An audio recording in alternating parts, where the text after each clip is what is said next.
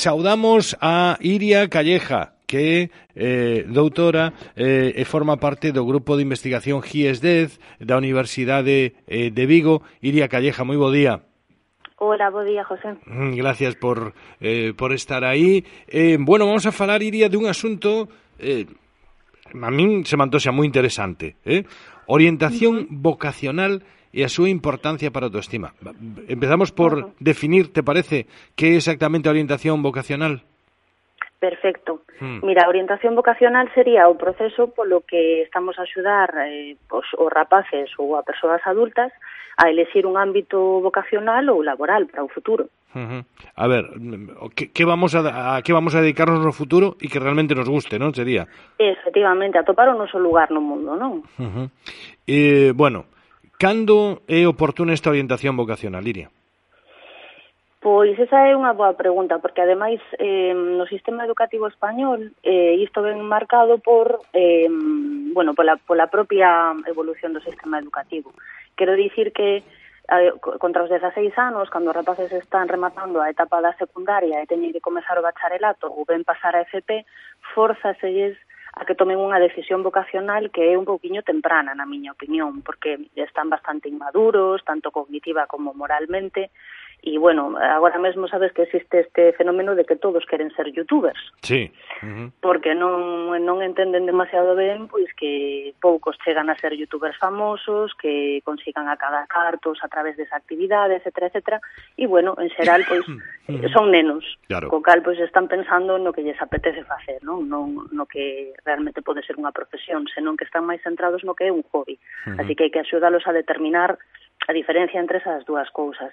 Noutros países, por exemplo, como sucede en Irlanda, se lles concede un ano máis que se chama o Junior Cycle para que eles eh, estudien un pouquiño todo o que lles gusta, de xeito que tipo podes mezclar, por exemplo, unhas horas eh, de FP de mecánica con estudiar o mellor filosofía ou antropoloxía, de xeito que explores un pouco todo o que te gusta para que o ano seguinte, si, sí, efectivamente, tomes esa decisión, uh -huh. pero tendo explorado un poquinho todo o que te apetece. Que non sería mala cousa. Bueno, imagino que este neste momento hai moitos pais moi atentos, todos os pais que teñen eh, nenos que están a piques de chegar ese momento, ou xa chegaron ou están nese proceso, porque isto nos interesa a todos.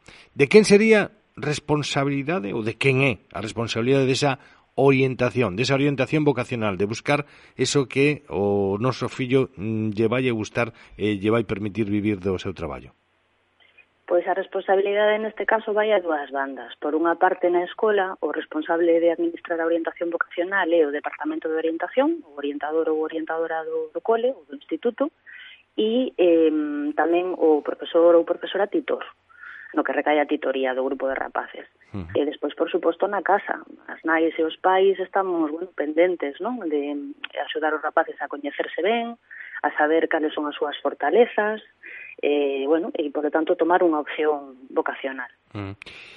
Eh, no título da, da intervención de hoxe exactamente orientación vocacional e a súa importancia para a autoestima. Oye, por que pode ter relación coa autoestima?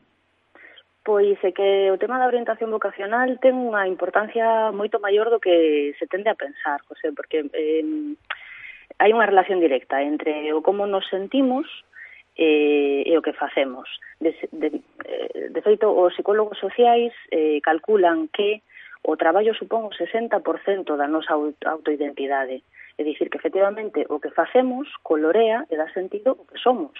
De xeito que se estamos a facer durante moitos anos algo que non nos gusta e que non nos fai felices, iso acaba determinando o noso estado de ánimo e pode chegar a deprimirnos. Uh -huh. E eh, falas tamén de como definimos a autoestima e o autoconcepto e, e como se desenvolven o, o, o longo da nosa vida. Vamos a definirlo, se te parece, autoestima e autoconcepto. Vale, pois o autoconcepto é a idea que temos sobre nós mesmos. Hai un montón de autores que levan muitísimos anos investigando isto, pero en xeral todos poñense de acordo en que o autoconcepto ten cinco apartados fundamentais. Por unha banda estaría o autoconcepto físico, que engloba tanto o noso aspecto físico, é dicir, se nos atopamos guapos, atractivos, se nos gustamos físicamente, e por outro lado as habilidades que temos, non? Pois no sentido, por exemplo, deportivo ou se somos por outra banda torpóns, non? Como é o meu caso que eu tropezo comigo mesma e caio todo o rato. Entón, eh, eu nese caso, pois o autoconcepto físico teño pichi picha. Uh -huh. Pero por outra banda, no autoconcepto académico, que sería outro dos importantes, e laboral, eu estou contenta, porque eu si recibi recibí unha boa orientación vocacional e entón, bueno, pois estou moi contenta co, co que fago na vida. Uh -huh. Teríamos tamén o autoconcepto social, que ten que ver con como nos relacionamos cos demais, se si somos hábiles socialmente ou non, e despois teríamos o autoconcepto emocional, puramente emocional. Eh, pois coñecer ben as nosas emocións e as dos demais e ser quen de manexalas adecuadamente. Uh -huh. E por outra banda, autoestima sería a nota numérica que lle poñemos a esa idea, a ese autoconcepto. Entón, esa nota numérica, como todas as notas, pois está entre 0 e 10. E dependendo un pouquiño da media aritmética que fagamos deses cinco apartados, pois estaremos ben de autoestima ou mal de autoestima. Pero claro, é que a autoestima está directamente relacionada co estado de ánimo. De xeito que se ti non tes autoestima ben, eres moito máis vulnerable a padecer trastornos do estado de ánimo, como por exemplo a depresión. Uh -huh. Imagino que polo teu traballo coñeces casos nos que unha inaxeitada orientación vocacional pois rematara desembocando nun problema de estado de ánimo, non? Sí, bueno, eu son psicóloga, ademais de ser investigadora, xa sabes que neste país os investigadores eh, sí, enténdese que vivimos do aire, sí. e entón hai que facer algo pola vida tamén. Entón eu gano a vida como psicóloga e efectivamente sorpréndeme moitísimo atopar non só rapaces e rapazas que pois lóxicamente contra os 16, 18 anos é lóxico que estean un pouquiño perdidos e que precisen unha guía vocacional, non? Pero tamén adultos e adultas chamei moitísimo a atención xente que leva anos desenvolvendo unha actividade ca que en principio deberían estar comprometidos e felices e, sen embargo, desexan cambiar e están, están mal de ánimo. E últimamente sorprendeume bastante recibir ata seis casos de xente que proviña do ámbito xurídico, xente que gañaba vida como abogados e como abogadas, Carai. e que querían un cambio. Sí, Mm, o sea que non, non só o estatus a veces da felicidade, non? Porque Exacto. supostamente aí, bueno, pois por estatus e por, por e económicamente deberían estar ben. Oye, a pregunta do millón ven agora, eh?